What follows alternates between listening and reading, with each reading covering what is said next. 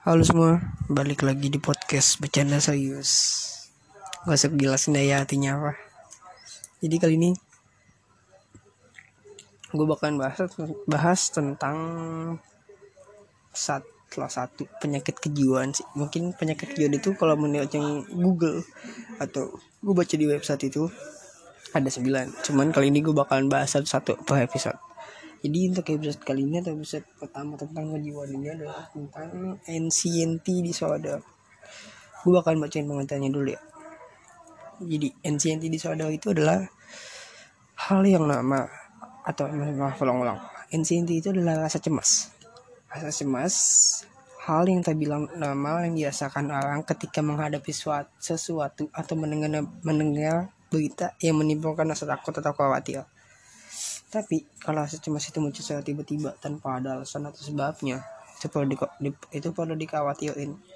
Dan itu juga bisa disebut gangguan kecemasan atau NCNT disorder. NCNT dan gangguan kecemasan itu nggak sama. Kalau NCNT itu rasa cemas yang terbilang wajar. Tapi kalau rasa cemas itu bertahan dan mengganggu aktivitas lo semua, sambil mengganggu sehari-hari kalian, pikiran lah itu setiap orang dapat merasakan ketika hendak menghadapi atau sedang berada di situasi yang dirasakan. Contohnya nih, ya lo berbuat sama pacar lo ya kan, cuma lo takut telat. Canda, canda. Jadi tapi itu salah satu juga sih contohnya.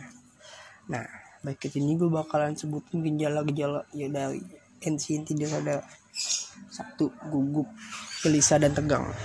Dua, letak detang maksudnya apa kok dentang nih maksudnya deg-degan atau jantung cepet lah.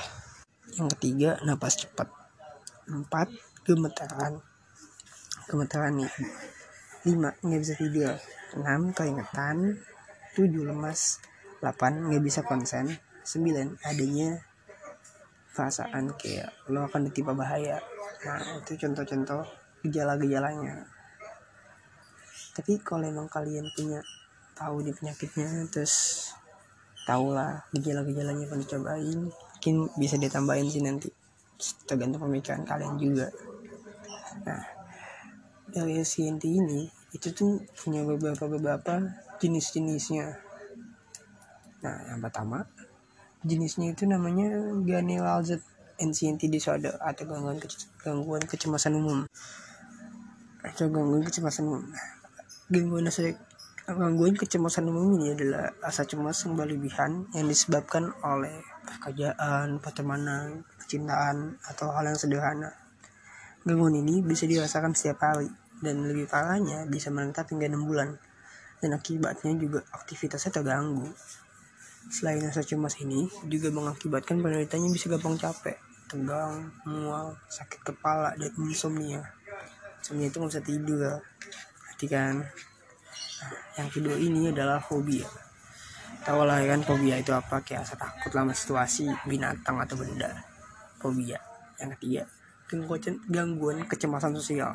Nah gangguan kecemasan sosial ini adalah bisa disebut juga fobia sosial atau kecemasan yang luar biasa terhadap lingkungan sosial di mana mereka takut untuk untuk berinteraksi dengan orang lain atau kenal lagi sama orang lain yang gak dia kenal dia bakal takut itu namanya gangguan kecemasan sosial ansos lah antisosial. Itu banyak tuh yang kayak gitu.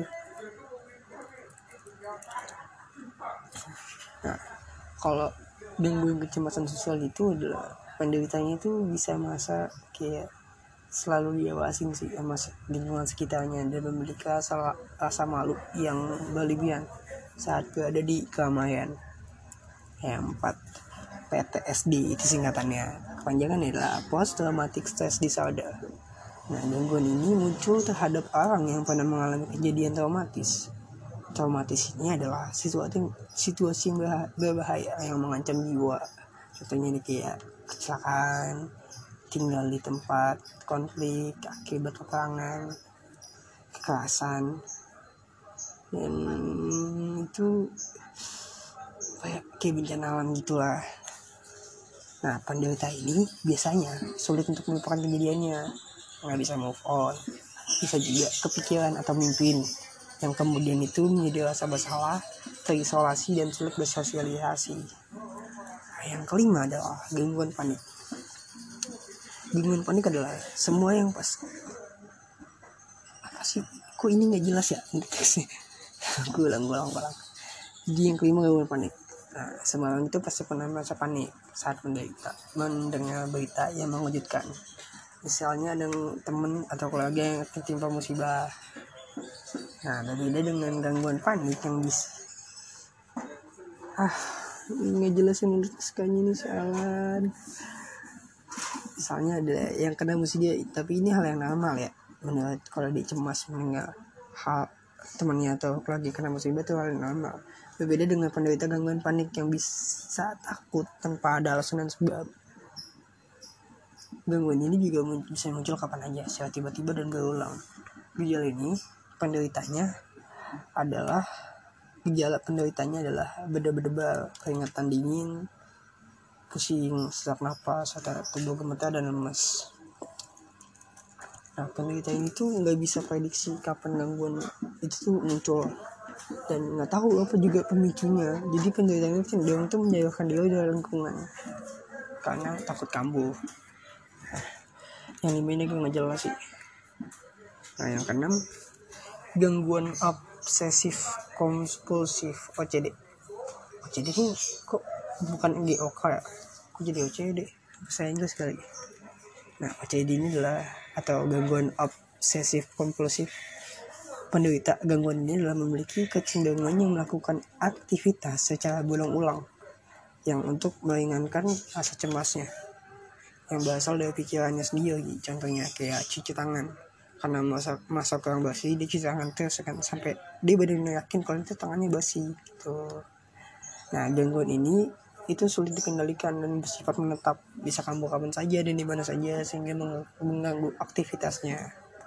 Aktivitas penderitanya jadi itu contoh sih. Contoh 6 6 contoh yang bisa bikin kalian tahu lah gangguan anxiety disorder ini ada namanya nah untuk anxiety ini ada beberapa cara untuk mengatasinya nah yang pertama itu tidur dengan istirahat cukup. Yang kedua kurangi kafein dan alkohol. Wah si yang suka mabuk tuh. Kadang-kadang punya penyakit nih kayaknya. Yang ketiga relaksasi untuk mengurangi stres. Empat olahraga. Lima itu paling penting curhat. Cuma lo curhat dengan orang yang tepat. Jangan sampai lo salah sama lo salah tempat lah untuk curhat takutnya. Privasi lo bongkar ya kan? Atau yang lain-lainnya. Yang bikin lo gitu malu yang ada bikin bikin nimbun kepikiran jadinya depresi. Atau bunuh diri deh. Kalau menurut gue nih saran gue sih jahat sama keluarga lah. Atau temen yang betul-betul tuh udah lu percaya. Jangan sampai lu nggak percaya tapi lu curhat ujung-ujungnya sih lo kebongkar ya itu nggak baik tapi misalkan udah lu pada udah lakuin kecemasan ini lakuin untuk mengatasi kecemasan ini. Dan itu tuh masih ada. Itu perlu ke psikiater untuk menentukan penyebabnya melalui pemeriksaan psikologis itu jadi kalau emangnya lu udah coba misalnya ada salah satunya punya mungkin kayak gini. Lo perlu ke psikiater sih atau ke psikolog. Jangan sampai enggak sesuatu hal yang sepele itu bakal bisa jadi bahaya. Nah gangguan ini juga bisa membuat penderitanya jadi depresi. Kalau ada parahnya itu bisa juga bunuh diri. Jadi untuk disarankan banget itu ke psikiater atau konsultasi. Psikiater untuk konsultasi jangan sampai enggak. Jadi ini mungkin gue pernah ngerasain juga sih. Fobia kecoa kecoa itu kata gue nggak salam sih cuman kayak gimana ya ngeliatnya aneh. Adalah jadi gitu aja nih untuk penyakit pertama dari episode ini. Segitu aja. Jadi selesai dari gue gue Evan pamit untuk kali ini. Besok gue bakal upload lagi dengan next episode itu tentang penyakit bipolar. Jadi kalau emangnya kalian tertarik dengan tertarik dengan pengertian bipolar atau yang lain-lainnya tetap di dengerin podcast gue aja. Gue bakal jelasin buat kalian semua. Jadi segitu aja. Terima kasih dan maaf kalau ada salah-salah kata. Assalamualaikum